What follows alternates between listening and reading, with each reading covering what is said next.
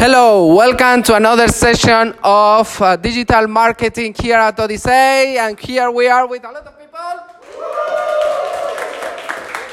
And especially with uh, four of the students who are going to tell us what they learned today. First of all, what are your name? My name is Leah. My name is Ashley. My name is Harold. My name is Kelvin. Okay, and now can you explain us what did you learn today?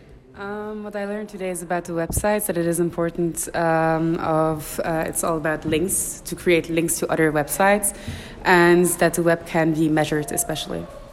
Okay, thanks. What about you? Um, I learned today that in the 1980s, Tim Berners Lee created the World Wide Web and he gave the patent uh, to the world for free for all of us to use.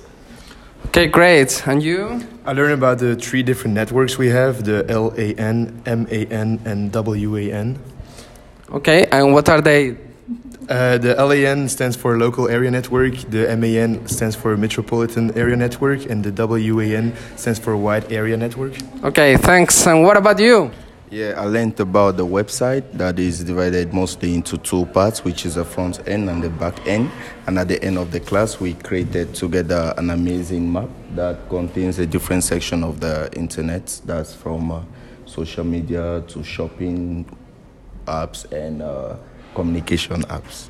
Okay, thank you very much. And thanks to all of you to be here. Next week we have more here at Digital Marketing. Bye.